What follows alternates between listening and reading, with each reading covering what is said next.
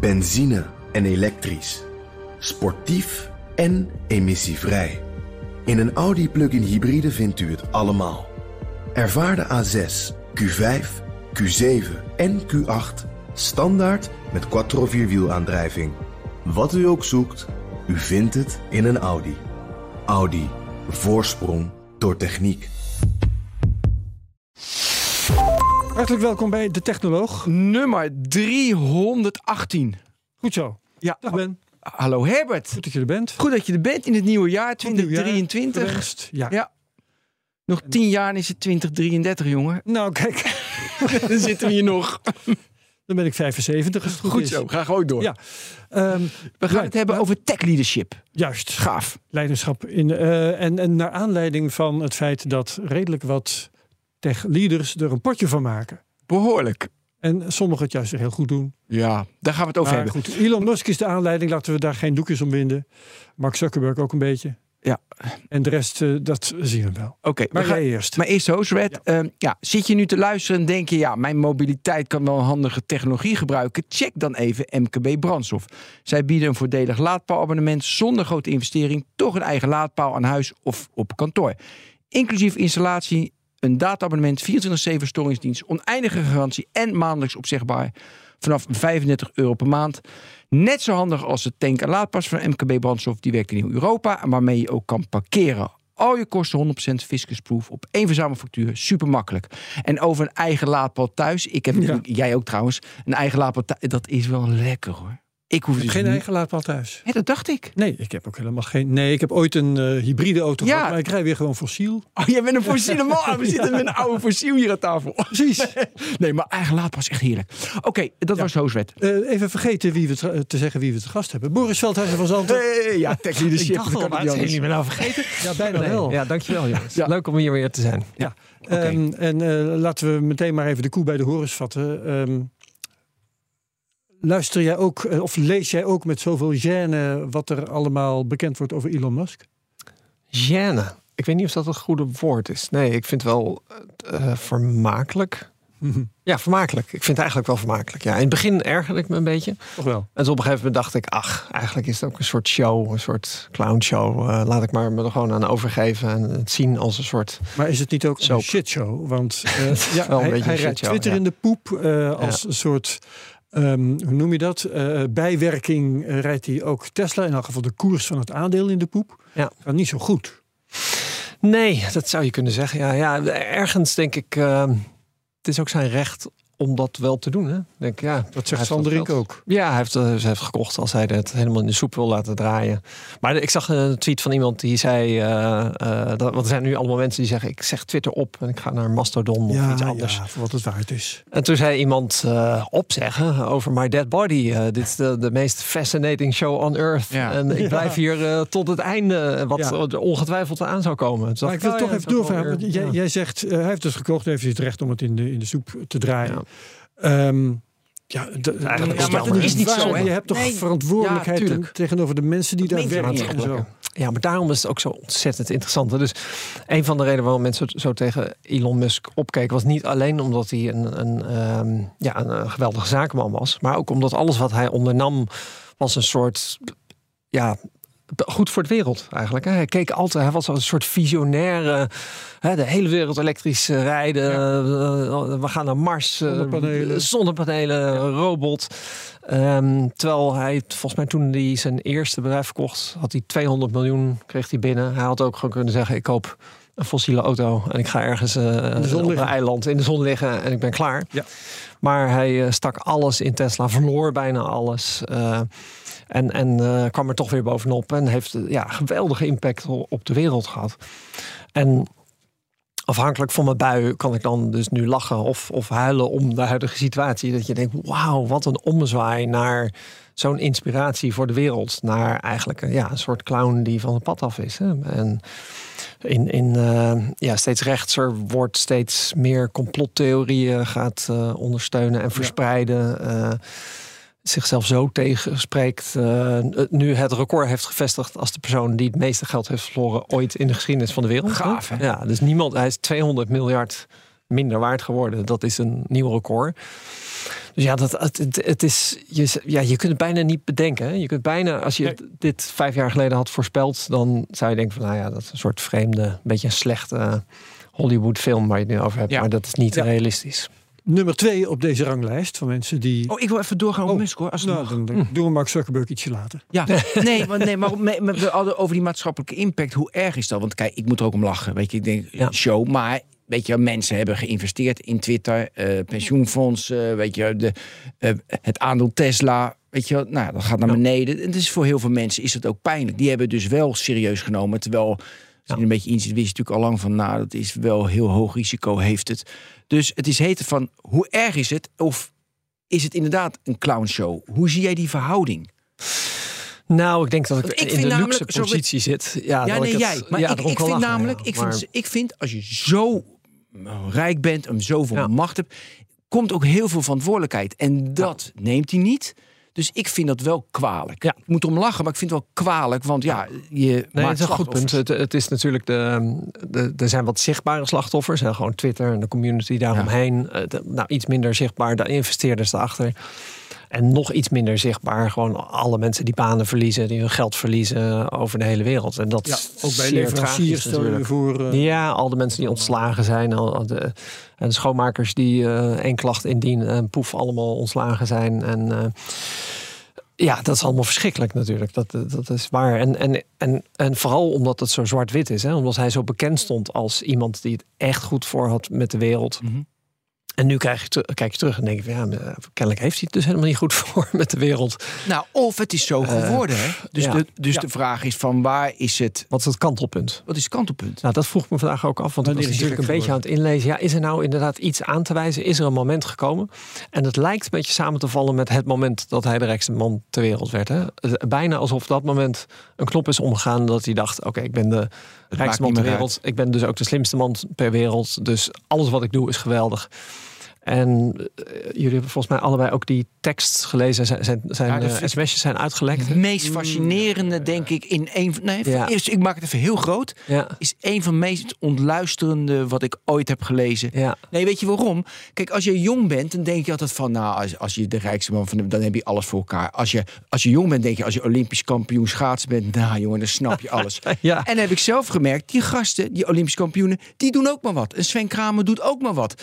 Uh, ik zat uh, bij Vodafone in Japan. Die gast in die boord van Vodafone, die deden ook maar wat. Ja. Weet je, Boris Veldhuizen van Zanten. Wow, dat is echt... Je bent, je bent een van de tech... En jij doet ook maar wat. Maar dat is Dat is heel uh, mooi. Hè? Je hebt uh, een comedian, maar kan even niet op zijn naam komen. Maar die zei, uh, wat, wat, is het advies wat je je younger zelf zou geven? En zei hij, oh, ik zou tegen mijn younger zelf zeggen... nobody else knows what they're doing either. ja, precies, ja. En daar moet ik zo vaak aan denken. Want ik heb precies dezelfde ervaring. En als je die sms'jes ziet, inderdaad, nou. het is allemaal... Het is zo pijnlijk. Eh, ja, iedereen. Ehm, ik dacht, hij had als standaard antwoorden naar al die mensen die een berichtjes had gestuurd moeten zeggen: Can you please take your tongue out of my ass? Want weet je, wel, zo wil ik niet uh, omgaan met de wereld. Iedereen zegt: Oh, je bent geweldig. Uh, Jason Calacan is ook een vervelende gast, maar die zegt: I would take a bullet for you of jump on a grenade for you. Ja. Zo. Het is allemaal echt dat je denkt: Heb je nou door dat? Dat je dus omringt met mensen die alleen maar zeggen: je bent geweldig, ja, alles wat je doet is geweldig. Ja, ja, ja knikkers. En niemand die kritisch is. En, en dat uh, lijkt een soort geschaald te zijn zelfs. Hè? Dat hij, dat was zo'n verhaal dat, dat hij in een meeting zat en dat hij zei: zal ik deze grap maken op Twitter? En dat ja, allemaal mensen omheen zeiden, ja, tuurlijk, leuke grap. Terwijl iedereen dacht, het is eigenlijk niet zo'n leuke grap. En één iemand zei, ja, volgens mij is dat niet zo'n leuke grap. En ook niet verstandig om dit moment te doen. En die was ook twee dagen later ontslagen, weet je wel. Dus als je dat soort verhalen hoort, dan denk je, hoe, hoe, hoe, hoe kun je nou op die positie komen? En hier gaan natuurlijk boeken over geschreven worden, films over gemaakt worden. Hoe kom je op die positie, rijkste man ter wereld, zo'n inspirerende ondernemer? En hoe kun je dan zo'n switch maken naar, ik ga gewoon alles kapot maken. Ik geef om niks. Ik ga met iedereen ruzie maken. Ik ga iedereen ontslaan. Ik ga alles kapot maken wat ik bezit. Hoe kan dat nou? Hoe zit dat? Ja, uitermate interessant. Ja, dan heb ik nog wel uh, nog even over die, uh, weet je, over die berichten. Ook hoe makkelijk die jongens, zoals wij broodjes bestellen, geven zij een miljard weg. Weet je, ook ja, totaal ja, de realiteit. Ja. totaal kwijt zijn. Dat is, uh, is Jerry uh, Allison. Hè? Ja, ja, Allison, ja, Allison van Oracle deed dat. Van hoeveel heb je nodig? Ja. Doe maar een miljard, dat is prima. Ja. En ik vind ook Mark, uh, hoe het Mark Andreessen met zijn 245 miljoen no strings attached. Dus die gaf gewoon 245 no miljoen. questions asked. Ja, do, ja, ja. ja. Maar gewoon, pff, dat hebben we ook in het verhaal rond Theranos gezien. Hè? Ja. Elizabeth Holmes. Ja, dus we leren eigenlijk niks van de geschiedenis. Nee, dus niet kritisch. En dan is het natuurlijk van, hey, kom je dus op zo'n positie van, weet je, moet je bijna zo eendimensionaal en plat en niet analytisch denken om de rijkste te worden of om zoveel macht dan in, in een bepaald gebied ja, te krijgen? Nou, dat is het, het interessante perspectief nu. En nogmaals, ik zie dus uit naar die boeken en die films. Maar dat je, je gaat nu eigenlijk alles in twijfel trekken. Dus, dus mensen, er zijn natuurlijk nog steeds uh, Musk-fanboys, ongetwijfeld die nu luisteren. Uh, die zeggen: uh, Ja, hallo, wat heb jij dan gedaan? Hè? Hij landt een raket op, op een eiland en heeft Tesla opgezet. En, en satellieten en zonnepanelen. En, dus je moet je kritiek voor je houden.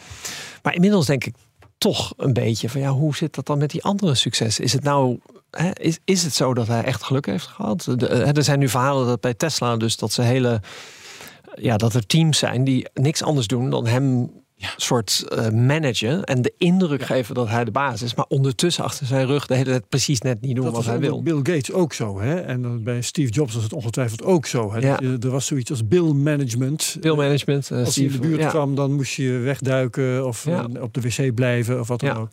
En de vraag is dus, komt, gaan we straks ja, dus er zijn een paar scenario's. Hij was geniaal rijkste man ter wereld. Toen is er iets uh, doorgebrand en nu gaat hij alles kapot maken wat hij bezit. Dat zou kunnen.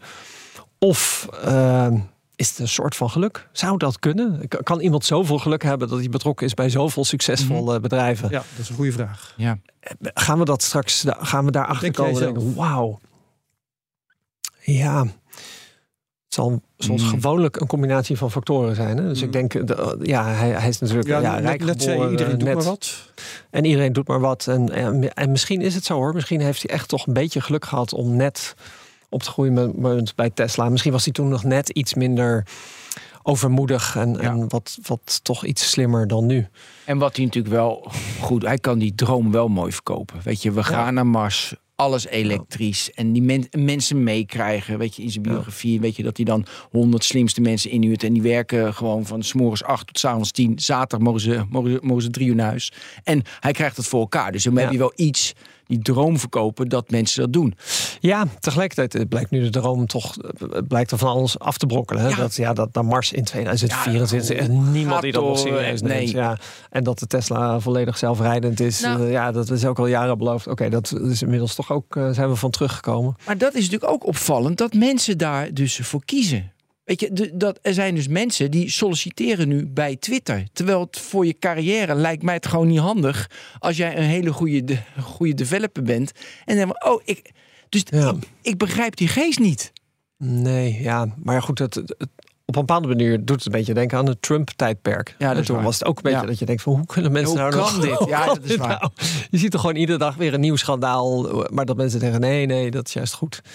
En dat is nu natuurlijk met Elon Musk ook. Hè. Mensen blijven fan, blijven hem verdedigen, blijven met diezelfde argumenten. Ja, maar hè, je hebt niet Tesla opgebouwd, dus jij mag er niks over zeggen. Hij is de Mhm. slimste mens ter wereld. Hey, en die Even me- in, mijn, in mijn eigen archief te, te graven. Eh, ik heb op eh, eh, 3 oktober 2016 heb ik een stukje gepubliceerd. Marsplan Elon Musk grenst aan bedrog. En eh, in februari 2017 Elon Musk draait door. Wauw. Ja. Ja, hey. Je zag het al vroeg eigenlijk. ja ik had het er veel eerder, door dan iedereen.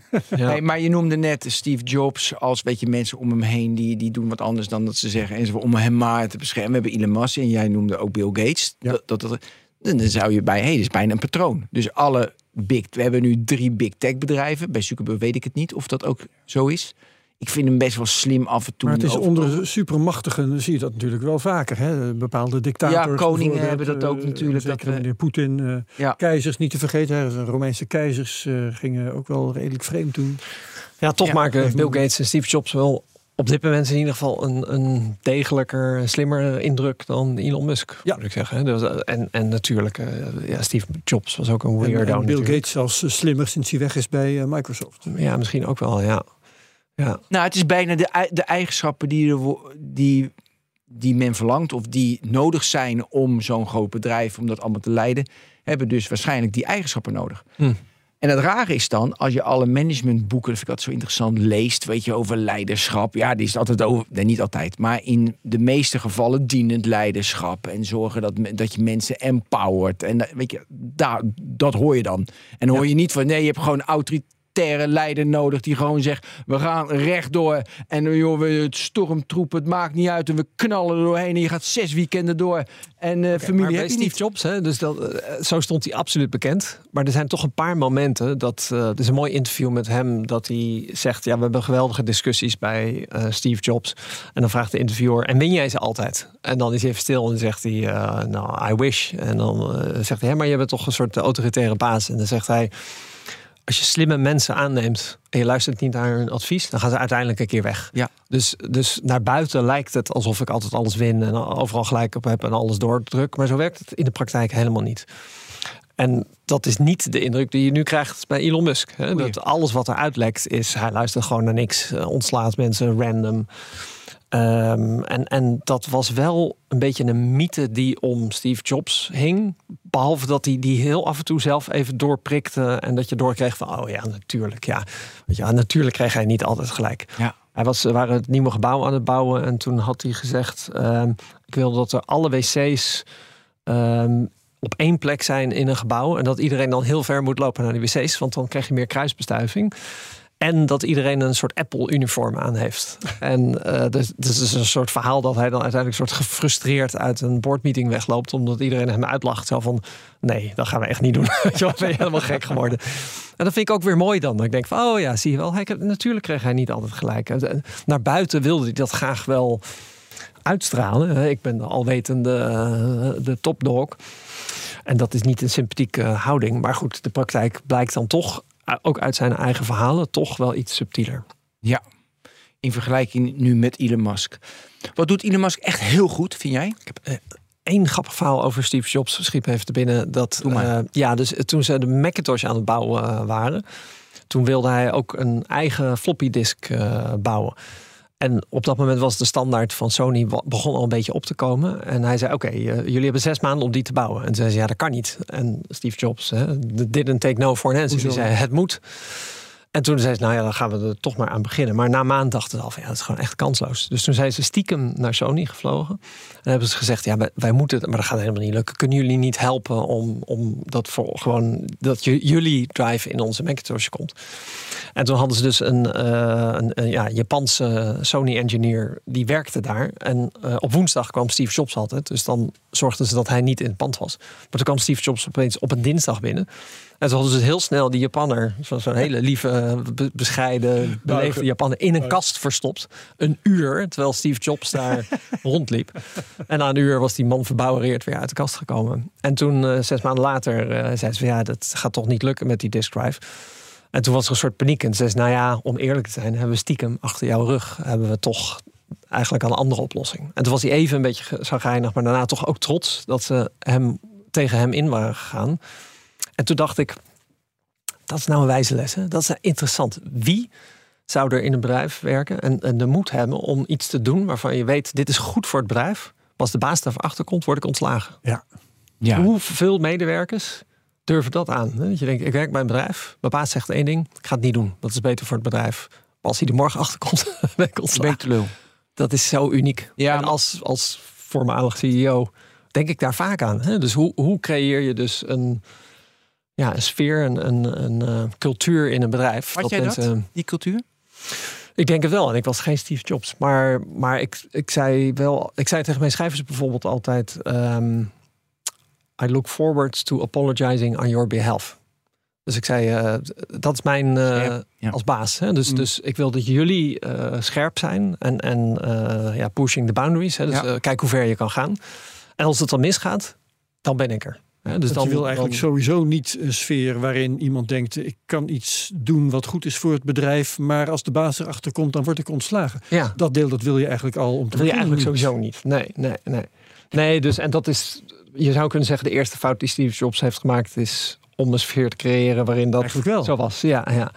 Dat is ook waar. Ja. Ja, maar ik heb nu twee dingen. Eén, een, niets dan goeds over de doden. Steve Jobs is nu dood en we gaan alle goede, hoe goed hij Hij heeft niet de kans gekregen om het allemaal te verneuken. Ja. Nou, dat is waar. Dus Quit één- while you're ahead. heeft ja, en twee, we Ja. zitten nu wel weer de standaard eh businesswijsheden.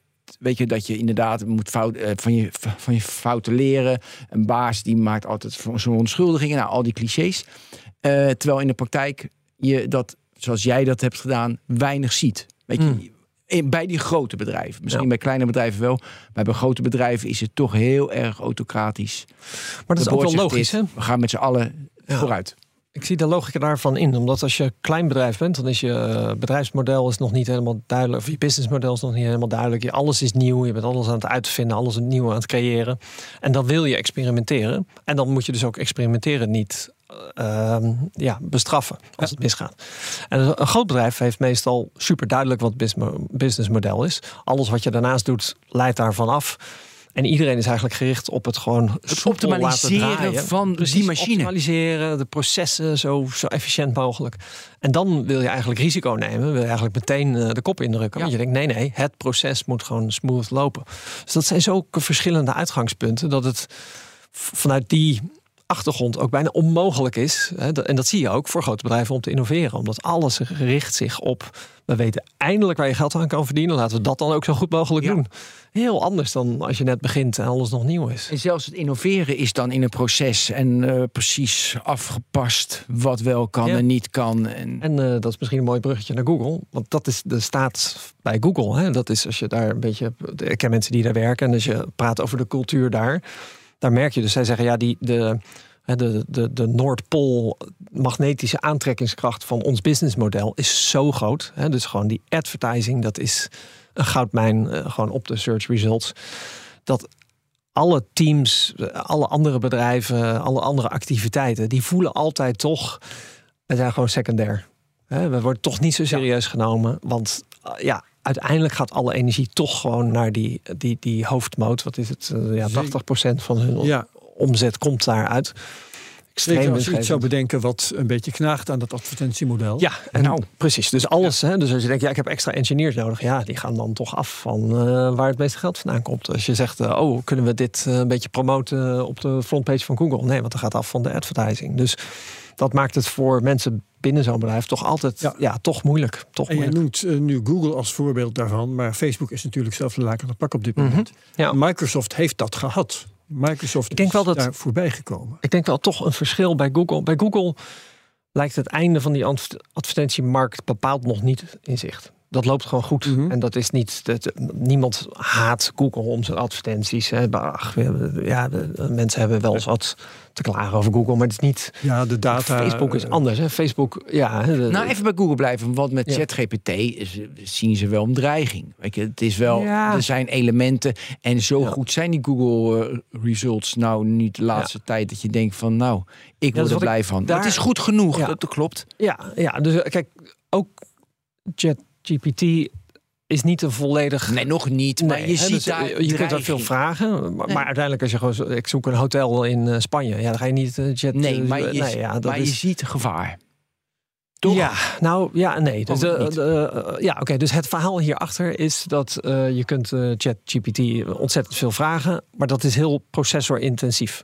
Met andere woorden, en dit is vergelijkbaar, dit, deze wetenschap is ook toe te passen op Apple trouwens. Dus ehm, een, een klein bedrijf beginnen, eh, wat nog niet de schaal heeft van Google, en dan processorintensief dit soort antwoorden geven, Mooi. dat lukt wel. Maar als je dit morgen aan zou zetten op Google, ja, dan zou het hele Google-model niet meer werken. En ook ChatGPT niet. Hè. Dat kost nu al, wat is het, 10 miljoen per dag of zo? Nee, hè? 2 Dat is miljoen. 2 Nou miljoen ja, per dag. Ja. Laatste, het kan nu 10 zijn. Ja, eh, het is heel duur en heel hard. En er zit nog geen eh, businessmodel op. Dus het zou heel goed kunnen dat Google dit al lang kan. Ja. Maar dan zeg ik, ja, why, why should we? Want dan wordt hè, iedere eh, eh, zoekquery wordt oneindig veel duurder van. En er zit geen verdienmodel achter. Dus wa- waarom zouden we? En dat is historisch weer interessant. Omdat ooit was eh, Yahoo... die was aan het onderhandelen met Microsoft. En Microsoft bood, ik weet niet eens hoeveel, laten we zeggen 10 miljoen. Ehm, en toen, nou, ik zeg het verkeerd, wacht even. Het was Microsoft zou Yahoo kopen. Het was Yahoo Het was en Google. Yahoo en Google was het. ja, Microsoft oh, zit ja, ook in het verhaal. Maar, Ja. Dus Yahoo kon Google kopen. Maar toen zei Yahoo tegen Google nee. Want jullie zoekresultaten zijn inderdaad veel beter dan die van ons. Maar dat is niet in ons voordeel. Want als de zoekresultaten te goed zijn... dan komen mensen niet meer terug naar onze portal. Dus zij hadden eigenlijk baat bij dat, dat ze een slechte search engine waren. En op een bepaalde manier geldt dat dus ook voor Google. Dat Google, hè, als je alle antwoorden vindt op Google... Ja, dan klik je niet meer door op de advertenties waarschijnlijk. Of minder. Ja. En dus maakt dat het al minder aantrekkelijk. En dan is dus ook de vraag: wat is dan het businessmodel van ChatGPT? Weet je wel? Als- Want ja, ads zal het niet zijn. Als je daar gewoon een vraag stelt, ik krijg meteen een antwoord. Ja, waar- waarom zou je dan nog op iets klikken? Dus dan moet het iets anders zijn. Ja, betalen per maand, ik weet het Ja, niet. ik, neem Maar, graag een, ja. ja. ik neem graag een abonnementje erop hoor. Ja, ja Nu welke al. vragen heb jij gesteld? Want ik ben daar wel benieuwd naar. hè. En ik weet niet, jij gebruikt het ook al, Herbert. Jawel, Ja. maar eh, ik zal het in de huidige eh, vorm niet als zoekmachine gebruiken. Nee. Omdat ik de bronnen niet kan eh, zien. Right. Omdat, omdat eh, ik niet weet wat waar is en Ja. wat het algoritme voor waar houdt, terwijl het dat niet is. Ja. En dat kan ik bij Google veel makkelijker zelf controleren. Nou, ik zie veel toepassingen natuurlijk. Ik heb het zelf ook al gebruikt. Ik moest een tekstje, ik moest een mailtje sturen, een belangrijk mailtje. En toen dacht ik, weet je wat? Ik vraag even ChatGPT, kun je dit mailtje voor mij beter schrijven? Ja? Nou, toen kreeg ik een iets beter mailtje, heb ik dat verstuurd. Maar eerst heb je zelf nagekeken. Maar ik heb het zeker nagekeken. Ja, ja, Uiteraard. ja. en ook eerst zelf geschreven. Hè? Dus dat was ook. En, maar, maar wat me dus. Dus ik zie absoluut toepassingen. Heel veel. eh, ik denk niet dat iemand nog een vertaler wil gebruiken. Of, of eh, ja, standaard teksten voor eh, dingen zijn goed te gebruiken. Behalve dat me soms toch ook een beetje het gevoel bekruipt van praten met een consultant. En dan niet een Ja, goede nee. consultant, maar hè, dit, dat je, Ja. je krijgt een antwoord waar je, waarvan je denkt, oh, dat klinkt en dan, Heel overtuigend, beetje Heel overtuigend. Ja. En dan langzaam ga je naar denk je, wacht eens even, volgens mij is het allemaal onzin. Gewoon. Volgens mij is het gewoon woordenbrei, maar wat, wat, wat, wat is de gedachte daar, daarachter? Ja, er zijn ook al hele mooie voorbeelden van. Ja, ja. Ja. En dus het is super indrukwekkend. Hè. Het is ook wat mij zo. ehm, er is een film, Ex Machina. Kennen jullie die toevallig? Ja, ja, ja, ja. Oké, dus een science fiction film Ja, waarbij dat een man Ja, in Zuid-Amerika. precies heeft op een berg. Fantastisch. Ja, heel- hij heeft een soort. eh, Vertel het, zeg maar. ja, hij heeft een soort robot gemaakt, een AI-gestuurde robot, maar die ziet eruit als een mens. En hij nodigt een jongen uit om dan te testen of, ehm, ja, of, die, of, of hij overkomt als echt menselijk en of de echte intelligentie is of nep. En dan, nou, de rest is eh, science fiction, is een leuke film.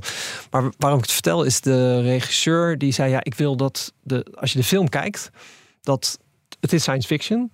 Maar dat als het volgende week zou worden aangekondigd door Google of een van de groot bedrijf, dat het je dan ook weer niet helemaal zou verbazen.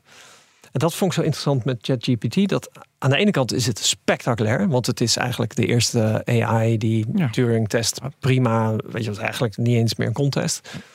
Maar op een of andere manier was het ook meteen zo, zo normaal dat je een beetje was van, oh ja, ja natuurlijk. Tuurlijk, ja, ik kan praten met de computer, je weet alles. Ja, ja tuurlijk. Ja. Het is eigenlijk soort eigenlijk oninspirerend. Wat ik weer zo bizar vond, omdat het, het is echt een doorbraak. Hè? Het is echt de Verschrikkelijk. eerste doorbraak. echte Ja, ja. AI die gewoon eh, waar je gesprek mee kan voeren. En als, als je het niet zou weten, zou je denken, nou, maar ja, er zit duidelijk iemand nu tegen ons te praten. Ja, ik wil even terug naar leiderschap. En we hadden Google, want er kunnen natuurlijk heel veel bedrijven. Yep. Even met de Page en Brin, wanneer je uitstapt. eh, nu, het is met Sanu Pichai. Eh, heeft dat zin? Zijn ze op, op tijd uitgestapt of niet? Moet je uitstappen? Kijk, jij bent gestopt als CEO. Is dat van omdat je het niet meer kon, omdat je met de, met FT, weet je, dat je er helemaal geen zin meer in had?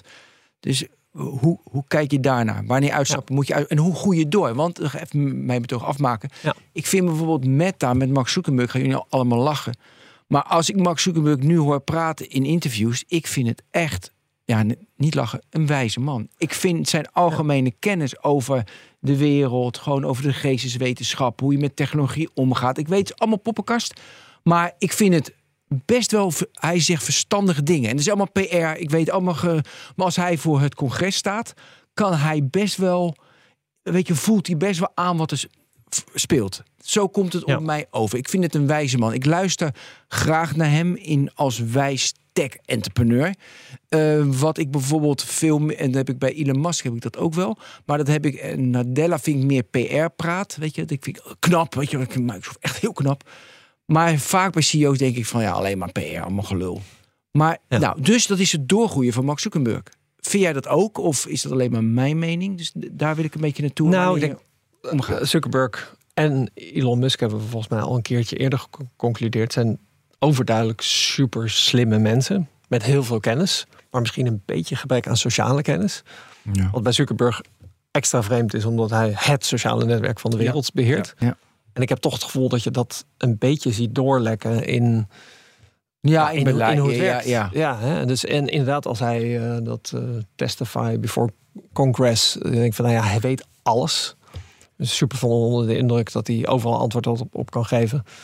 Maar het is ook een beetje, er wordt ook niet voor niks zoveel grappen over gemaakt, alsof er een robot zit. Hè? Ja. En, en dat Ja. is die menselijkheid. ehm, hè, dat, wat was haar naam ook weer? De COO van. Sandberg. Ja, eh, toen zij er was, zij, zij leverde echt dat menselijke stuk. Hè? Dat was heel duidelijk. En ik denk wel eens, hoe zou het zijn geweest als hij haar CEO had gemaakt en zelf een stapje terug had gedaan. Hij had gezegd, hey, ik weet ontzettend veel, maar het is tijd voor een meer human touch. En het is duidelijk dat zij dat meer heeft. Ja, maar in de rollen en eh, heeft hij natuurlijk meer de productrol en de metaverse rol. En die, eh, hoe heet die ex... Ja, maar het product is dus Facebook. En hij is dus een, product- iemand die niet uitblinkt in sociaal begrip. Ja, maar dat laat hij alleen maar nu over aan die, die gast, dan ben ik zijn naam even kwijt. Die Ja. eh, in de Engeland, die, eh, Ik weet het ook die niet. politiek... Geloof eh, je meteen. nou, nee, hij is de... En Nick Clegg. Ja, Nick Clegg, die, die doet nu de alle... Ja, wat Ja. die... eh, nou ja, voor de... eh, dat hij onderhandelt met Brussel en dat hij de, Ja. de hele PR doet. Ja, en ik vind dat best wel handig. Ja, ik wil me zeker niet verdedigen, want er gebeurt, gaat heel veel fout bij Meta. Dat weet ik, weet ik, weet ik, weet ik. Maar ik vind die overgang qua leiderschap... Kijk, uiteindelijk heeft hij een meerderheid natuurlijk door het stemrecht. Dus hij kan Nick Mhm. Clegg altijd overrulen. Ja. Maar ik denk dat ik nou, vanaf de buitenkant denk ik wellicht niet slecht. Ja, maar je- dat, dat zeg jij nu terwijl eh, ehm, Facebook, ik weet Ja, niet precies wat het is, 70% in koers is gedaald. Ja, nee, nee ja, maar dat is, Zuckerberg 100 miljard, want het ging net over eh, records in. in Ja, dat is ook een record veldrijdraken. volgens mij. Zuckerberg is een goede tweede. ja, maar vind ik ook wel stoer. 100 miljard minder eh, vermogen. Ja. Dat is geweldig stoer. Maar dan kun jij zeggen, hij komt over als een wijs man. Hij heeft vooralsnog natuurlijk met al zijn wijsheid gigantisch misgegokt met dat metaverse. Ja, Ja, maar we hebben het over leiderschap en dan gaat het om hoe je als leider, als mens je ontwikkelt in de techwereld. Toch? En wij hopen allemaal dat wij wijze, uiteindelijk wijze leiders in de techwereld krijgen. Nou, en als je we ze daar allemaal afgaan, constateren we dat tot nu toe, we zijn een half uur bezig, Elon Musk weinig wijsheid op dit moment. ja, ja. In de doorontwikkeling van Max Zuckerberg zeg ik meer, meer wijsheid. En ik vind, Na- ik, ik vind Nadella, vind ik ja, die vind ik goed. En, en Sanu Pichai vind ik voor ja, gewoon, dat is een CEO. Dat, ja, heel knap, heel, maar niet, niet dat ik denk van, oké, daar komt, er komt iets uit. Ja. Dan, dan zou ik willen dat Google meer versnelt nu in een richting. Ja, het is niet zo spannend als eh, toen Steve Jobs terugkwam bij Apple. En we het gevoel hadden dat er Ja. iedere paar jaar. Een Maar soort we zitten wel dingen met elkaar te vergelijken die niet vergeleken kunnen worden, volgens mij hoor. Omdat eh, bij Google hebben ze een tijdje geleden alles uit elkaar getrokken. En eh, jij zegt, eh, Larry Page is opzij gestapt. Maar dat heeft hij volgens mij juist niet gedaan. Hij is CEO geworden van Alphabet, het moederbedrijf van Google. En wat dat betreft is Pichai een soort. Ja, managing director. Ja, ja, ja. Een, een, eh, Ja, van Filiaalmanager. Filiaalmanager. Precies, een Ja. manager die, Ja. hij, hij mag op de winkel passen. Het wordt van hem helemaal niet verwacht dat hij, van, dat hij bij Google nieuwe producten ontwikkelt. Want als er nieuwe dingen worden ontwikkeld, worden ze in een zuil buiten Google gedaan. Onder de alfabetvlag. Ja. Ik nog dat ik een keer een hoogoplopende discussie had met mijn co-founder. Omdat hij zei: het meest innovatieve bedrijf van de wereld is Google. En ik was het daar niet mee eens. En mijn argument jij was... vond Apple? Op dat moment in ieder geval Apple meer. Ja. Ja. Ja. en, eh, maar ik zei ook van ja, je kunt niet vergelijken. Want Apple die doet al hun innovatie behind closed doors. Ja. En Google die kondigt de hele tijd aan, we gaan nu dit doen. En dan Ja. op een gegeven moment haakten ze het eh, simpel. Schrappen ze weer. Schappen ze weer en dan hoor je er nooit meer wat van. En Ja. alles wat zij inderdaad aankondigen van hier gaan we aan werken, klinkt heel innovatief. Maar goed, uiteindelijk zie je er eigenlijk weinig resul- resultaat van, toch? Dus dat, eh, maar dat, ja, het was een leuke discussie. Omdat ik dacht van ja, hij heeft wel een punt natuurlijk. Want ze werken wel aan meer dat we weten in ieder geval. Dat is een interessante discussie in ieder geval. Ja, En- en ik wil even dus in de structuur. Ben en wil structuur, dat is echt heel raar dit. Maar goed, ik heb er zelf, ik had wel zelf punt, die hoor. Ik kwam terug op jouw structuur. Geef je uit. Namelijk, hè, je komt terug op eh, zo'n bedrijf als Google. Ja, even Google en je... Terug naar die manager, de filiaalmanager. Ja. Hè. Is het zo dat is er gewoon niks meer te innoveren? Dat zou je kunnen zeggen. Zo van, ja, we leven in een andere tijd. Het is allemaal wel een beetje een soort aan het einde van zijn cyclus. Misschien eh, is de boom voorbij en technologie wordt weer een tijdje een soort steady. Zou kunnen. Ehm, ehm, of is de aantrekkingskracht van dat grote verdienmodel zo groot dat ze gewoon toch uiteindelijk net niet durven om alles op iets nieuws te zetten. En dus het verhaal gaat dat toen Apple de switch maakte naar iPhone, dat was een eh bet the company moment. Hè, dat ze zei alles Ja. gaat hierop. Als dit mislukt, hebben we geen bedrijf meer. Dat zie je niet andere bedrijven doen. Met een beetje, vind ik. En met de metaverse. Ja, Toch? heb je wel echt er gelijk ook in. een, Ja. bed die nergens op slaat. ja. Maar Of in goed, ieder geval nog niet. maar houden we even dus bij Google, ja, komen we zo bij Meta. Dus Ja. bij Google, ze- zij durven dat dus niet of doen dat niet. Of nemen die Nee, ze doen het verantwoordelijkheid. anders. Ze doen Want ze, ze, ze eh, hebben Google als geldmachine. En als er Ja, wat te innoveren valt, doen ze het daarnaast. Ja, maar dat komt helemaal... Dat is allemaal, nee, allemaal- ik zeg allemaal niet dat het lukt. Maar het is, eh, het is wel wat dat betreft goed georganiseerd. Google moet gewoon eh, advertenties verkopen en zoekresultaten leveren. En eh, hoeft, hoeft verder niet meer te innoveren. Het is gewoon de pinautomaat voor Alphabet. Ja, nee, dat is zo. Ja, en, en eh, het, Ja, het maar is wa- jammer. ook- wacht even. of verrassend. Waarom komt er uit die andere activiteiten niet iets succesvols? Hè? En er zijn natuurlijk leuke je- projecten, maar En wat is je antwoord? Omdat dus de kern die advertenties is en daar Ja, uiteindelijk ben denk- je. Maar Ja, bijvoorbeeld, je verstoort toch niet. Niemand durft de pinballmachine, zoals jij het noemt, de, de cashmachine te verstoren. Hè? Dus, dus nee, wat er gebeurt, maar het, het nooit is- 100% de volle Het is nog niet gelukt om een andere cash cow te vinden. Nou ja, ik vind het te, te vergelijken met de situatie bij Microsoft. Hè. Natuurlijk eh, jarenlang Windows en Office als eh, cash cows. En hebben zich een slag in de ronde gezocht naar iets wat er. Ze hebben zich met gaming bezig gehouden. Ze hebben eh, ehm, geprobeerd Windows content te verkopen, ja. films, Hardware. Eh, hardware, verzin het maar. En uiteindelijk hebben ze met de cloud, eh, waarbij ze in feite Amazon zijn gaan imiteren, eh, hebben ze uiteindelijk de jackpot weer gevonden. Ja. Maar Ja. dat is niet zo dat, eh, dat ze daar doelgericht naartoe hebben gewerkt. Dus je moet echt gewoon eh, met hagel schieten. En hopen dat een van die Ja. korreltjes eh, een, een doel raakt. En Ja, dat is ik ben ook niet aan mee doen. Maar ze hebben dat succes alleen nog niet gehad. nou, het is. Ik ben het niet. Ik wil eerst. Ja, als- ik Ben even afmaken. Ik wil eerst even Microsoft. Ja. Ik vind juist dat ze iets fundamenteels hebben veranderd. Omdat zij alleen nog maar gingen voor... hey, we moeten op alle platformen... onze services draaien op alle platformen. Windows laten we los, vinden we niet meer belangrijk. We moeten op alle platformen... Dat is het belangrijkste. Ja. Nou, dat is, een dat is een mindshift binnen het bedrijf. Zeker. En Dus je zou kunnen zeggen, dat was ook een bet the company moment. ja, dat was behoorlijk belangrijk. Weet je, dat je Ja. dat loslaat. En, eh, nou ja, en daarna natuurlijk Azure, weet je wel, natuurlijk. En van dozen Maar- verkopen naar diensten verkopen. Ja, ik, en ik vind dat, dat vind ik knap. En ik denk dat Balmer, want oh, even leiderschap, Gates, Balmer met Nadella. Balmer was inderdaad op de hut passen. Go, go, verkoop, verkoop, verkopen. Nog meer dozen, nog meer dozen, nog meer dozen. En toen dachten ze, bad company, 2015, 16 kwam Nadella. Dat was echt omdraaien van geen dozen meer verkopen. Ja, ook, Ja. maar dan services. Ja, ja nee, dat is waar. Ja. En, en, en is het van, is dan de raad van commissarissen, weet je, hebben die dan van, je, dus wie beslist, dat vind ik interessant, wie beslist dan van, hé, hey, dat moeten we beslissen en niet? En waarom Nadella? Wat voor eigenschappen heeft hij dan in deze fase van het bedrijf dat zo'n type nodig is? Dat is echt interessant. Ja. Heb jij daar een zinnig antwoord op, hoe zo'n proces in zijn werk gaat? Mm, Heb je daar geen ervaring mee? Ja, dat is een goede vraag. Nee, ik, ik was helaas niet bij die boardmeeting. Nee, dat snap Nee, ik. nee. Nee, maar hebben ze dat, weet je, gaan ze dus inderdaad wat ze altijd in die managementboekjes hebben van eerst de man en dan de richting. Maar ja, die richting is er al, maar die richting moet Ja. bij Microsoft anders worden. Ja, nee, want die richting was wel, want ik weet nog rond dezelfde tijd zei Apple het ook. Hè? Zei onze volgende grote groei is services. Ja. En Amazon was er als voorbeeld. Dus misschien dat het niet eens zo. Kijk, het, ik denk dat het al een tijdje duidelijk was dat Palmer niet toekomst eh, veilig was. Hè? Dus, Nee. het, eh, en hij heeft, geloof, Microsoft verdrievoudigd of zo in zijn nee. termijn. Echt gewoon puur salesmonster. Maar ik denk dat iedereen daar wel voelde, voelde. Ja, de toekomst is toch niet verder Office en, en Microsoft uit, eh, uitbuiten.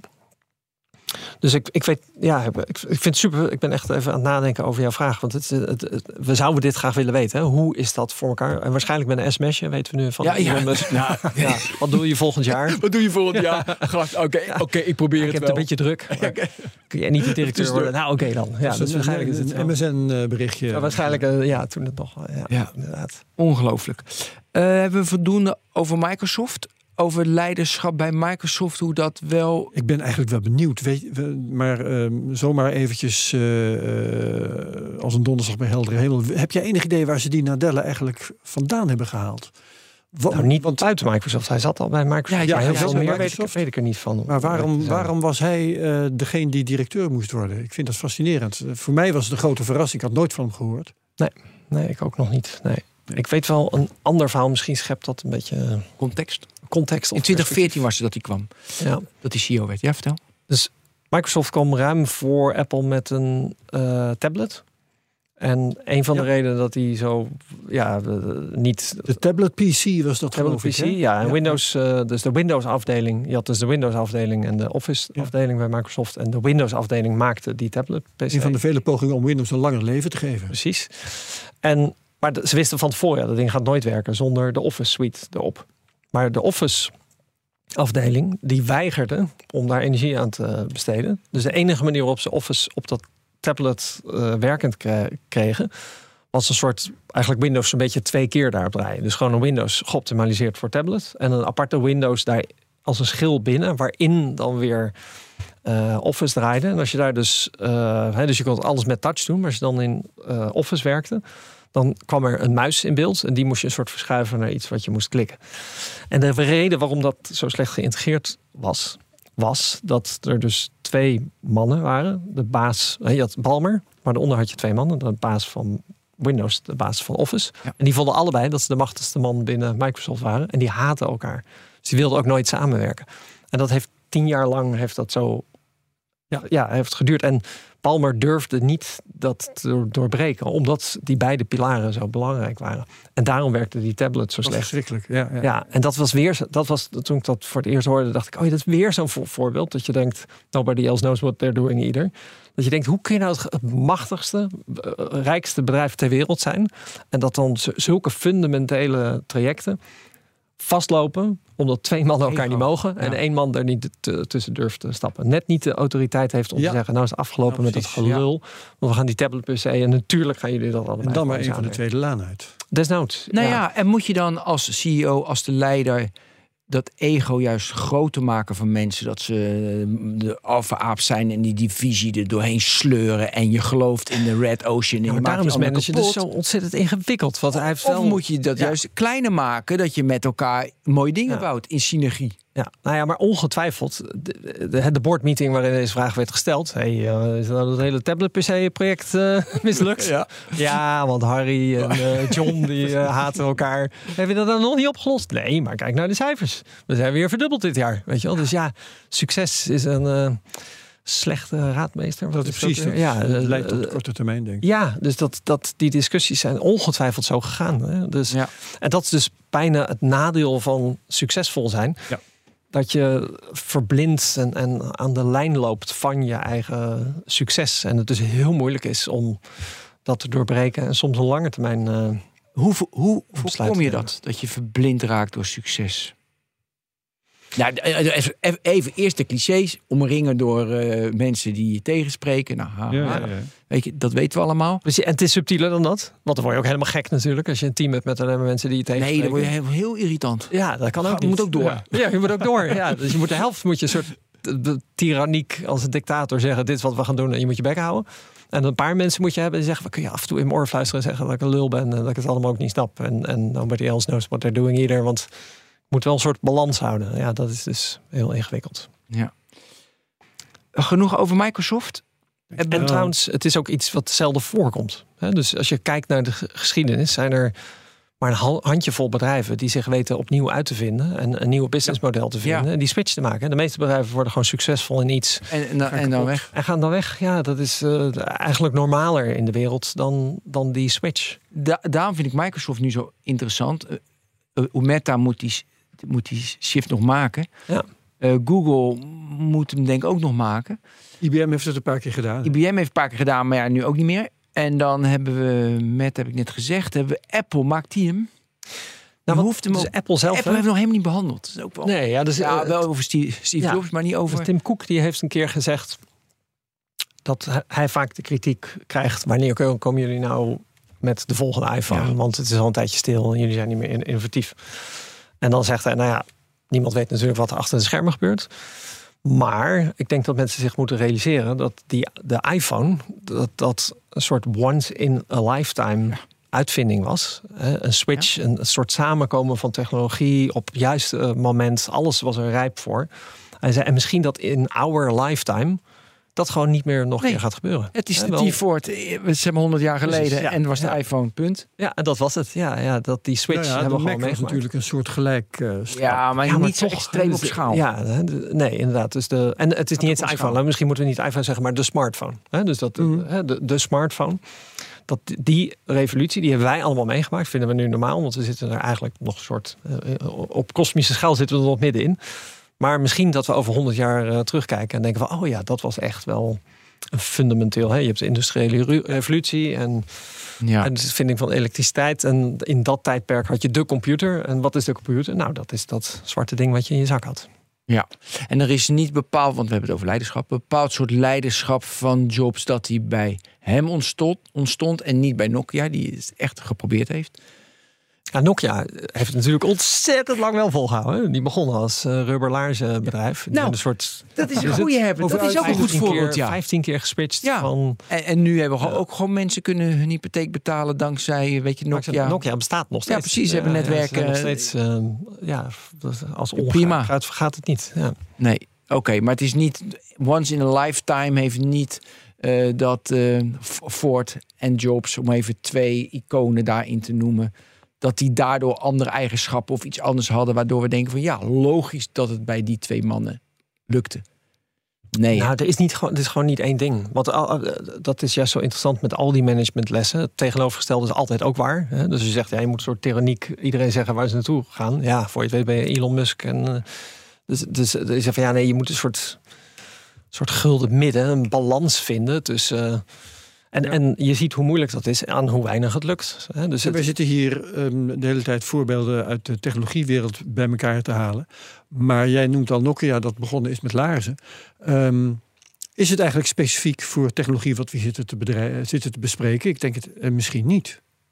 nee, Want eh, Ik denk- ook in andere ja. sectoren heb je innovatie en heb je macht en heb je verdienmodellen die te- een beetje te goed werken. Ja, nee, ik, ik zou zeggen, technologiebedrijven zijn een beetje de fruitvliegjes van de industrie in de zin dat die hebben een kort leven, dus een snelle die omloop. bestudeert dus ze die, lekker die makkelijk. bestudeert, ja, precies. Dat, en, eh, je ziet er zoveel ontstaan en weer verdwijnen. Dat, eh, ja, eh, maar wat is die dan als specifiek aan, aan techbedrijven?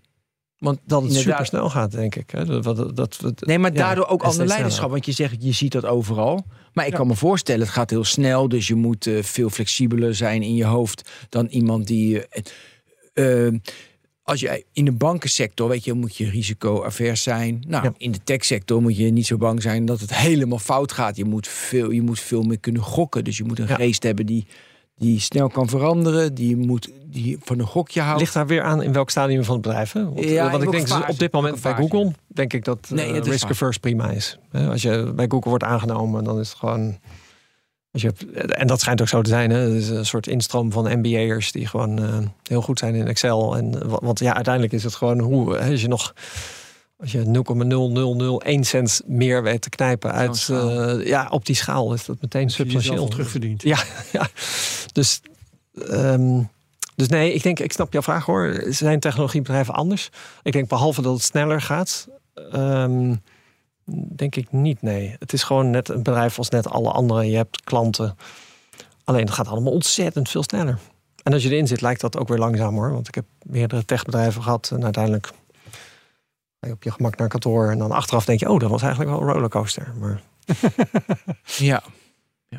Oké, eh, nog even over Tim Cook dan. Want we hadden het over Ja. Steve Jobs. En daarna kwam Tim Cook. En inderdaad, wat jij zei, heel veel kritiek van dat hij eh, niet innoveerde, niet innoveerde. Maar dat gebeurt maar één keer in je lifetime dat je zo groot hebt. Ehm, ja, dus en hij heeft de, de beurswaarde echt, nou ja, hoeveel keer? Nou, niet normaal. Ja. Slaat helemaal Ik weet ook uit mijn hoofd, maar spectaculair. Ja. Ja, Ja, dus de waardestijging onder Koek, procentueel gezien, was veel groter dan die onder Steve Jobs. knap. Dus eh, dan denk je, nou ja, prima gedaan. Of vind je dat toch jammer dat die auto er nog niet is... en dat die bril er nog niet is, dat dat sneller had gekund? Of meer gokken, want kijk, hij heeft zoveel gewoon liquide middelen... en is ook weer naar. Amerika gehaald, want de, er waren andere, andere belastingregels... waardoor alles wat in, in het buitenland meer dan de helft is weer teruggehaald. Ja. Maar goed, o- onbeperkt budget kan je ook denken van... joh, ik stop eh 10 miljard in een Open AI 2. Is toch leuk om te hebben. Ja. Ja, dus wat mij hebt niet eens 10 meer nodig daarvoor. Ja, hè, dus de, de- als je de verhalen leest over de iPhone en eh, over de Macintosh, eh, dat ho- hoewel Apple al best een succesvol, al een behoorlijk succesvol bedrijf was toen ze de iPhone eh, gingen maken, was het toch een betrekkelijk klein team wat dat uiteindelijk Ja. deed. En je weet ook uit de, dus zo'n mooi verhaal over eh, IBM. Die wilde de IBM, de personal eh, computer, de PC, ontwikkelen. Daar hadden ze al vier jaar met 2000 man of zo aan gewerkt. Dat had een miljarden gekost. Het ding was er nog steeds niet. Het was er een jonge manager en die zei: Dit gaat nooit lukken. En toen zei ze: Oké, als jij het zou doen, hoe zou je het dan doen? En toen zei hij: 100 miljoen, 100 man, en een jaar geen rapportage. En dan heb ik een PC voor je. Ja. En toen was die PC er ook. En Apple, het leek alsof Apple, ik weet niet of het bewust of onbewust, dat, dat die strategie herhaalde. Dus de, de, de, de Macintosh was ook een soort Skunkworks eh, project in een apart gebouw waar ze dat in elkaar gehackt hadden bij. Heel interessant. De vraag iPhone of, bijna vergelijkbaar. of eh, Steve Jobs dat heeft willen imiteren. Dat zou best kunnen, want hij was een meesterdief van andermans ideeën. Dus- Precies. En IBM, daar was hij natuurlijk wel stevig mee geconfronteerd Ja, eh, ja. in die tijd. Ja, maar En met de auto maakt me dan dus bijna zorgen. Hè? Dus als ik hoor, nee, maar die auto komt echt, want ze besteden er miljarden aan en er werken nu al 2000 man aan. Dan denk ik, oeh, dat, klinkt eigenlijk helemaal niet goed. Nee. Of historisch gezien klinkt dat Nee, voor maar- mij niet goed. 100 man. Ja, Ja, als, als- ze zouden zeggen 100 man zijn met iets eh, spectaculairs bezig, dan zou je denken, oh ja, dat klinkt. Ja, maar dan is het inderdaad raar als je weet dat dat werkt. En dat doen ze dan niet. Dat is raar. Ik, moet ik, moet ik moet denken aan Max Welling die hier is. Dus, eh, ja, dus Microsoft. Die hebben gewoon wel 5, 6, 7, 8 R&D centers eh, over de hele wereld. Die aan, die aan AI werken. Ja. denk je van, waarom doet Apple dat niet? En huren gewoon de beste Nou ja, AI-mensen Ja, in. maar het antwoord is altijd, je weet niet wat Apple doet. Dus eh, waarschijnlijk doen ze dat ook. Maar zij zijn er gewoon minder mondig over. Ze hebben altijd gezegd, eh, dat was ook een eh, Steve Jobs strategie. Die zei, je moet niet over product praten totdat het er is. Dus eh, ongetwijfeld werken ze aan. Een serie is eh, AI gestuurd en dat wordt... Weet je hoe slecht dat is? Ah, ja, ik weet Jongen, zeker hoe jongen, wat Ja. een bagger is dat. Ja. Ik gebruik het ontzettend veel, maar, voor ook. één ding, om een timer te zetten. Timer en bellen doe ik. Ja, bellen? Oh, ik bellen niet eens. Nee, Ja, bellen belt hij altijd iemand anders dan ik wil. Dat heb ik ook wel eens, ja. eh, Serie is waardeloos. Maar goed, dat wil niet zeggen dat ze er niet aan, misschien in de achtergrond wel heel goed Ja, maar nog niet Dat is in een ander ding vorm, trouwens. hè, of het een hardware-auto zou zijn of alleen maar Ja, software voor... Ook dat nog. Ja, eh, nee, Maar even over Siri door. Kijk, Hm. je, iedereen Ik zal even om je te challengen. Misschien is Apple's AI tien keer zo goed als Chat GPT. Waarom? Misschien wel tien keer zo goed. Maar het probleem is, als Apple zoiets in de markt zet, moet het meteen op, wat is het, anderhalf miljard devices. iedere dag keer twintig Gaaf, werken. Gaaf. Ja. En dat houdt ze dus ook tegen. Hè? Ja. Dus dat, dat- en dat is het verhaal. Dus als jij iets spectaculairs... Je, je, je vindt een, een, een 3D-machine uit... en die kan in een iPhone... En Apple dan zeg je, wil je die inbouwen in de telefoon? Dus dat is goed. Maar dan moet je er wel... Ja. wel volgende maand moet je er anderhalf miljoen per dag kunnen leveren. Ja. En als je dan zegt, ja, dat, ja, dat, ja dat, zo snel krijg je niet opgeschaald. Ja, dan, dan kan het misschien over vijf jaar. Ja, je, maar Dus- oké, eens, top, eens, helemaal. Echter, ah, slecht. En ik wil er gaan toevoegen. nee, kijk, ik gebruik af en toe de Google Assistant. Die is nou, 50 keer zo goed dan Ja. Siri. Dus ik snap niet dat als je onbeperkt budget hebt, dat je gewoon zegt, gasten, Siri is on par volgend jaar met Google Assistant. En dat gebeurt. En anders. maar dit is de andere levensles. Dus onbeperkt budget is niet een factor. Nee, dat is waar. Je moet niet geen geld hebben. Oké, 100 miljoen. Maar het ligt nee, niet aan geld. Nee, maar je, maar je kan de beste mensen inhuren. Je, kan, weet, je maakt een project van Siri moet m- on par zijn met Google Assistant. Ja. Ik, en het is al vier, vijf jaar slecht. Dus ik snap dan niet dat dat niet gebeurt. Begrijp ik echt helemaal niks van. Dus Nee, wat ja, gaan wij dat- daaraan doen met z'n allen? het met je eens, ja. Ja, dit is toch even Het is heel verbazingwekkend. Maar het zou, zou dus best kunnen hè, dat we ooit uitvinden. Ja, dat komt. Er is namelijk één product manager daar. En die heeft een hekel aan een andere product Ja, ja, manager. Ja, ja, ja, ja, goeie. Ja. En Tim Cook durft net niet in te grijpen, want ze zijn allemaal heel belangrijk. En daarom is de Ja. serie zo slecht. Dat zou kunnen. zomaar kunnen. Ja, het zou kunnen. Ja, ja. Dat het iets supermenselijks is en helemaal niet eh, Ja. ja. zo moeilijk als wij denken. Voor mij hebben we de grote techbedrijven een beetje gehad. Ik heb ook nog wat algemene vragen, Herbert. Ja, en dat is eh, bijvoorbeeld over de bro-culture in Hmm. tech. Want we hebben over tech leadership, cultuur, hoe ga je daarmee om? Ja. En nou, het is een behoorlijke bro-culture. Ik heb het idee, maar dat baseer ik nergens op, dat het iets beter tussen aanhalingstekens gaat. Dat ik het minder over hoor. Nog wel bij Activision Blizzard was iets. nou ja, ik moet zeggen, toen ik die eh, uitgelekte eh, sms'jes van Elon Musk las, Ja. toen kwam dat woord wel echt enorm Zo. over. Ik Ja, dacht, dat is waar. jezus, wat een stelletje. Handjes onder elkaar. Ugh, ja, echt. eh, ja, dus toen dacht ik weer, oh, Het is niet is minder, eh, hebt misschien wat minder zichtbaar dan Ja, niet de- minder de pro culture. Ja. Maar eh, ja, Nou ja, ik denk dat er zijn een aantal... is niet typisch tech of wel, omdat heel veel tech mensen, heel veel mannen werken. Misschien daardoor. Maar. Ja, ja, het is een combinatie van factoren. Dus het- in het begin waren er meer mannen. En, en, en dat, eh, ik weet nog, onze eerste conferentie waren alleen maar mannen onstage. En daar waren we ons niet eens heel erg van bewust. Van, oh ja, helemaal niet aan gedacht. En pas, denk ik, bij de tweede of de derde kwam was het überhaupt een onderwerp. Dat iemand zei, er zijn wel weinig vrouwen onstage. En we dachten, oh verdomd. En het duurde nog heel lang voordat we dachten, oh, en überhaupt weinig minderheden. Weet je wel? Dus dat je, Ja. dat duurde gewoon even voordat het. Besef. ik, eh, weet je wel, ik nu achteraf denk, jezus, het is echt heel eh, gênant. Weet je wel, Waar- waarom zat dat niet in mijn systeem? Maar dat duurde even voordat dat. eh, Landen. ja, je wordt er wat mee geconfronteerd. En dan, dus ik heb het gevoel dat het in de industrie echt beter gaat. En de hele MeToo-beweging heeft aangeholpen. En Black Lives Matter. Weet je, dus al die onderwerpen was een soort bewustwording, een versnelling van, van verbetering. Maar het is Is niet, niet eh, typisch het is tech, niet, ook? Of wel? Mm, Want daar Ja. zoek ik een beetje naar. Dat is een goede vraag. Is het typisch tech? Nou, omdat er Eh. eh, relatief veel meer mannen werken, is Ja. het natuurlijk, weet je, dan, dan heb je het meer. Ik denk tech was zo'n hot topic een paar jaar. De hype rondom tech. Is Dat- voorbij, hè? En dat is nu een beetje voorbij. Ja, ja. Of laten we zeggen, eh, misschien eh niveleert het een beetje. Ja, weet je, het wordt ja. wat rustiger. En, en, en dat is misschien ook wel weer lekker even. Ja. En- zelfs als er een dipje komt, is eigenlijk altijd heel inspirerend. En, en de mooiste bedrijven beginnen in, in die dips. Dus. Maar ik weet niet meer wat mijn punt was. Nou, maar dat maakt ook niet uit. Ja. Een andere is ehm, ook over, weet je, arbeidsvoorwaarden. Hm. Nee, ik wil eerst een andere. Nee, doen we eerst arbeidsvoorwaarden. Eh, is dat typisch, weet je, ik heb voorbeelden van gasten die, weet je, dus venture capital, onbe, nou, onbeperkt mag, ik niet- mag ik niet meer zeggen van jou, maar die hebben veel budget. Ja. Het, ma- het, het maakt niet uit of iemand eh 5000 per maand kost, 8000 of 12.000, want je moet iets opleveren. Dus ja, het is op het grote geheel, maakt het niet uit of je, en dan worden ze over, overbetaald, dat soort elementen. Merk jij nu dat dat rustiger wordt? Is dat Ik zie een tweedeling. Ja, Dat valt me opvalt. Dus dat als je kijkt naar de geschiedenis, is het niet bedrijven die. Het, het zijn meestal niet bedrijven die onbeperkt budget hebben en iedereen kunnen aannemen die met iets spectaculairs moois komen. Het is meestal juist dat je hoort. Niemand kreeg veel betaald. Iedereen werkte te hard. De helft van de mensen hadden burn-out. Maar we hadden het gevoel dat we iets world-changing Ja. aan het doen waren. En dat was het. eh, Dat heilige vuur, dat leidt tot mooie dingen. Ja. Niet eh, iemand, eh, in, niet een bonus. Weet je, dat is de, ik heb altijd het gevoel dat je eigenlijk al verloren hebt als, als, het, als je over je een bonus gaan praten. Ja. Ja.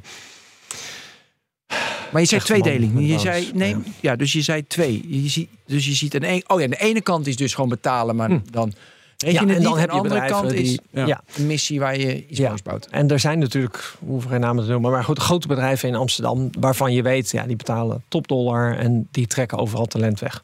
Dat hoor je. Maar tegelijkertijd dan de kleinere bedrijven die ik spreek, die weten toch altijd wel weer goede mensen te vinden. Dus ik heb, ja, ik heb toch ook het gevoel dat, dat er misschien twee soorten mensen zijn. Laten we het over developers hebben dan. Ja. Hè? Dus je hebt de developers die, die kunnen ergens twee ton verdienen met één veer in hun neus bij een groot bedrijf. Die bestaan. Hè? Maar toch veel programmeurs ook die ik ken, die zijn toch op zoek naar een beetje hè, een bedrijf waar ze zelf nog verantwoordelijkheid hebben, waar ze niet kunnen. ja, waar ze zien dat hun code op de site terechtkomt. En, en, en een beetje heen en weer soms ook. Hè. Dus ik weet ook jongens die bij mij werkten en die dan naar Booking, MessageBird of Apple We- zelfs. ja, Of, je wie weet je wel. transfer. ja, WeTransfer. En die kom ik dan, uh, nou, de eerste zes maanden natuurlijk, uh, wauw, geld verdienen. En dan, maar na een tijdje hoor je dan toch van, ja, ja, ik had echt gewoon nul Tickets invloed. wegwerken de hele ja, dag. Ja, precies. Tickets, die, ja, ja, precies, codepoepen, ja, ticketje wegwerken. En dan toch uiteindelijk weer uh, verdwijnen naar een klein bedrijf. En misschien is dat ook prima. Hè? Dat is een beetje een soort the way of the world. Je doet even twee jaar dit en dan ga je weer naar een klein bedrijf. En dan, oké, okay, dan heb je minder geld, maar wel leuk werk. En dan Ja. ga je daarna weer in een fabriek werken. Ik heb nog één vraag hebben en daarna mag jij helemaal losgaan. Oh. Wauw. De, over de verschillende generaties, techbedrijven waar ze werken. Ik moet even over de. Ik word helemaal gek van iedereen die een purpose moet hebben. Ja. Ja, daar Ja. word ik echt, word ik Ja. echt heel, heel erg moe van. Ja, ja. Ik, Want de ik vraag snap dat wel. Ja, ik snap dat. Maar ik wil toch de voor die mensen opnemen. Ja, maar oké, wat is Ja. jouw purpose? Ja, zie je dat? Dan krijg hallo. dit soort Ja. verhaal. Dat- Nee, ja, nou, maar ik, ik, ik zal je het eerlijk antwoord geven. Ja. Ik heb die vraag altijd moeilijk eh gevonden. Ja, dat is een moeilijke vraag. Ja, bij, en, en eh, persoonlijk, maar bij TNW ook. Hè? Ja. Dus, ehm, maar bij TNW, ehm, hoe groter we werden, hoe meer ik dat ook zag als een zwakheid in mijn bedrijf. Dat ik, en in het begin hoefden we het helemaal niet over de purpose te hebben. Want het was zo duidelijk. Die internet was een soort golf. En wij staan voor op die golf. En iedereen was een soort in all van... oh wauw, wij willen ook op die golf. Oh, wij staan helemaal voorop. Ga mee. En het er helemaal niet over te hebben. Ehm, maar naarmate internet wat normaler werd... alles digitaal werd... eh, ehm, en ja, die golf, laten we zeggen, iets afnam... merkte ik, hé hey, verdomd, wij hebben eigenlijk niet heel goed dat verhaal voor elkaar. En dan merk je dat dat heb je dus overal nodig. Hè? Want je kunt, als je eh, iemand gaat aannemen... Ik weet niet hoe ze de vraag stellen... Maar de vraag wordt, komt, eindigt altijd op, maar waarom? Waarom doe ik dit allemaal? Waarom doe ik dit? Waarom Ja, doe je dit? ja. Waarom, wat, is de, wat is het doel? Weet je wel, wat, wat, wat- als het succesvol is, wat betekent dat dan? En als je zegt, nou ja, meer geld. Ach nee, dat is te plat. Ja, dat is het gewoon niet. Ja, dus je moet een beter antwoord hebben dan, nou ja, dan zijn we succesvol en eh, shareholder value. Er is gewoon uiteindelijk niemand in geïnteresseerd. dus heb Ze je- willen naar heb je- huis. heb je iets verzonnen? Toen. Gewoon Eh, iets verzonnen. Nou, oké, weer Of het kwam het uit antwoord. Nee, dus we hebben verschillende keren dingen verzonnen. En het voelde nooit Nee, dat voelt nooit goed. Voelde Dat nooit uit je hart komen, dat ik echt dacht, ja, woe. Onze Ja? missie. Nee, ja, maar is het dus- je gelukt ja. om echt iets waar je echt 100% van... wow, Nee, dit- nee, nee, dat absoluut ik- niet. Zie je dat? En ik ben er, maar ik ben ook nooit mee opgehouden. Ik ben nooit mee opgehouden. Ik ben er nog steeds mee bezig. Dus eh, hè, ik ben niet meer de CEO van TNW. Nee, maar- Ik zit in de board. Maar dit is mijn belangrijkste eh, vraag voor TNW. Hè, dus wat is ons doel Daarvoor zijn wij op aard. in een veranderende wereld? Ja, want ooit zeiden wij, alles wordt digitaal. En dan zeiden mensen, ik weet niet eens wat je bedoelt. Alles wordt digitaal. Dan zei ik, alles wordt digitaal. En dan dachten mensen, wauw, ik moet naar die conferentie om te horen wat dit betekent. Want, want als alles digitaal... En nu denk ik, ja, alles is digitaal. Ja. ja. Ja, dus wat heb ik nog te zeggen? Ja. Wat is de rol van TNW? Er Nou, heb is je nog ontzettend veel te zeggen natuurlijk. antwoorden? Hoe leg je dat uit? Ja, maar antwoorden. Ja, dus weet je waarom dit zo moeilijk is? Als ik aan jou vraag, waarom hou je van je partner? Ja, oh, ja, van, mijn- ja van, mijn, van mijn vrouw, ja. Van, waarom hou je van je vrouw? Ja, wat is Kun je een uur over praten? Ja. En als ik dan tegen jou zeg, oké, maar kun je nu samenvatten in één zin waarom jij zoveel houdt van je vrouw, zodat ik die ene zin tegen iemand anders kan vertellen, dat hij dan ook gaat houden van jouw vrouw. ja. Je Succes. helemaal niet. Snap je? Zo moeilijk is het. antwoord dit. Ja, zo moeilijk is het om Ja. deze vraag te beantwoorden. Dus om, om dan toch, want je moet dat natuurlijk wel. Het is fijn om anderen te vertellen. Niet fijn, maar het is ook belangrijk. Want het, Mhm. komt, het, het komt altijd terug. Ja. Dat is dus, je verzint dan gewoon iets en je blijft het ontwikkelen. Dat is het antwoord. Ja, en ik zou dus bijna zeggen, niet om op iedere slak zout te leggen, maar, En eh, je verzint niet iets. Je moet uitvinden waarom. Je moet het waarom uitvinden. Want Ja. het zit natuurlijk ergens. Waarom doe ik wat ik doe? ja, maar jij weet het ook nog niet. Dus Ik je kan daar nu over praten. Ja, je moet uiteindelijk maar- een woord hebben. Eh, Hoe, ja, wat is de, de, de essentie van waarom ik zo geïnteresseerd ben in de wereld om mij heen? Ja. Waarom heb ik dat bedrijf. In het begin eh, dat Patrick en ik op kantoor kwamen, maar eigenlijk was iedere dag. Dus mijn grap was: iedere dag ontdekken wij iets nieuws. En eh, van die nieuwe dingen is één per week gaan we ook echt gebruiken of bouwen. Want dat deden we ook, zelf bouwen. En één keer per maand werd dat dan een bedrijf. En gingen andere mensen het ook gebruiken. En, en, en één keer per jaar was het echt een succes, zoiets. En dus, dus was, iedere dag waren er nieuwe gave dingen. En nu leven we in de wereld dat iedere dag gave dingen. Ja, hallo, er komen 5000 nieuwe apps per dag bij in Ja. de App Store. Weet je wel? Dus dat, ja, dat er nieuwe dingen zijn, weten we allemaal. Dus, dus, maar goed, hè, de, de- onze functie is nu hoe ga je dat ene ding vinden Dus hoe ik het op kantoor vertel is, hè, vroeger was er gewoon, wauw, er zijn nieuwe apps. Nou, dat was, al, dat was al gewoon nieuws. Er was nieuws. En nu ben ik meer op zoek naar wat is de app, mag best zes maanden oud zijn, die jouw leven heeft veranderd. Hè? En dat gaat Ja. dus veel meer over het persoonlijke van techniek, technologie, van digitaal, dan wat er nieuw is. Want er is te veel nieuw. Want alles is digitaal en alles is nieuw de hele dag. Dus ja, waar begin je? We moeten ermee stoppen. Ja, mooi, fantastisch. Boris, bedankt. Ja, Over leiderschap in tech. nou, Ik wil jou nog vragen wat jouw purpose is. Maar dat doen we een andere Geen keer. idee, man. Volgend jaar Ja, met kerst of zo. geen idee. Dit jaar met kerst. ik wil ook weten wat jouw purpose Ja, was nou, hebben. dat, eh, vertel ik een andere keer. Ja, wel. heel goed. Boris Veldhuizen van Zanten, dankjewel Dankjewel. voor de bespiegelingen over leiderschap en technologie. Ben van den Burg, dankjewel. Herbert, bedankt. 318. Luisteraars bedankt en eh, tot de volgende technoloog. Hoi. Dag allemaal.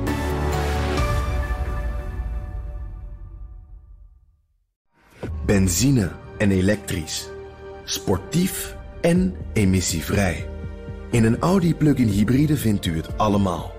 Ervaar de A6, Q5, Q7 en Q8 standaard met quattro vierwielaandrijving. Wat u ook zoekt, u vindt het in een Audi. Audi. Voorsprong door techniek.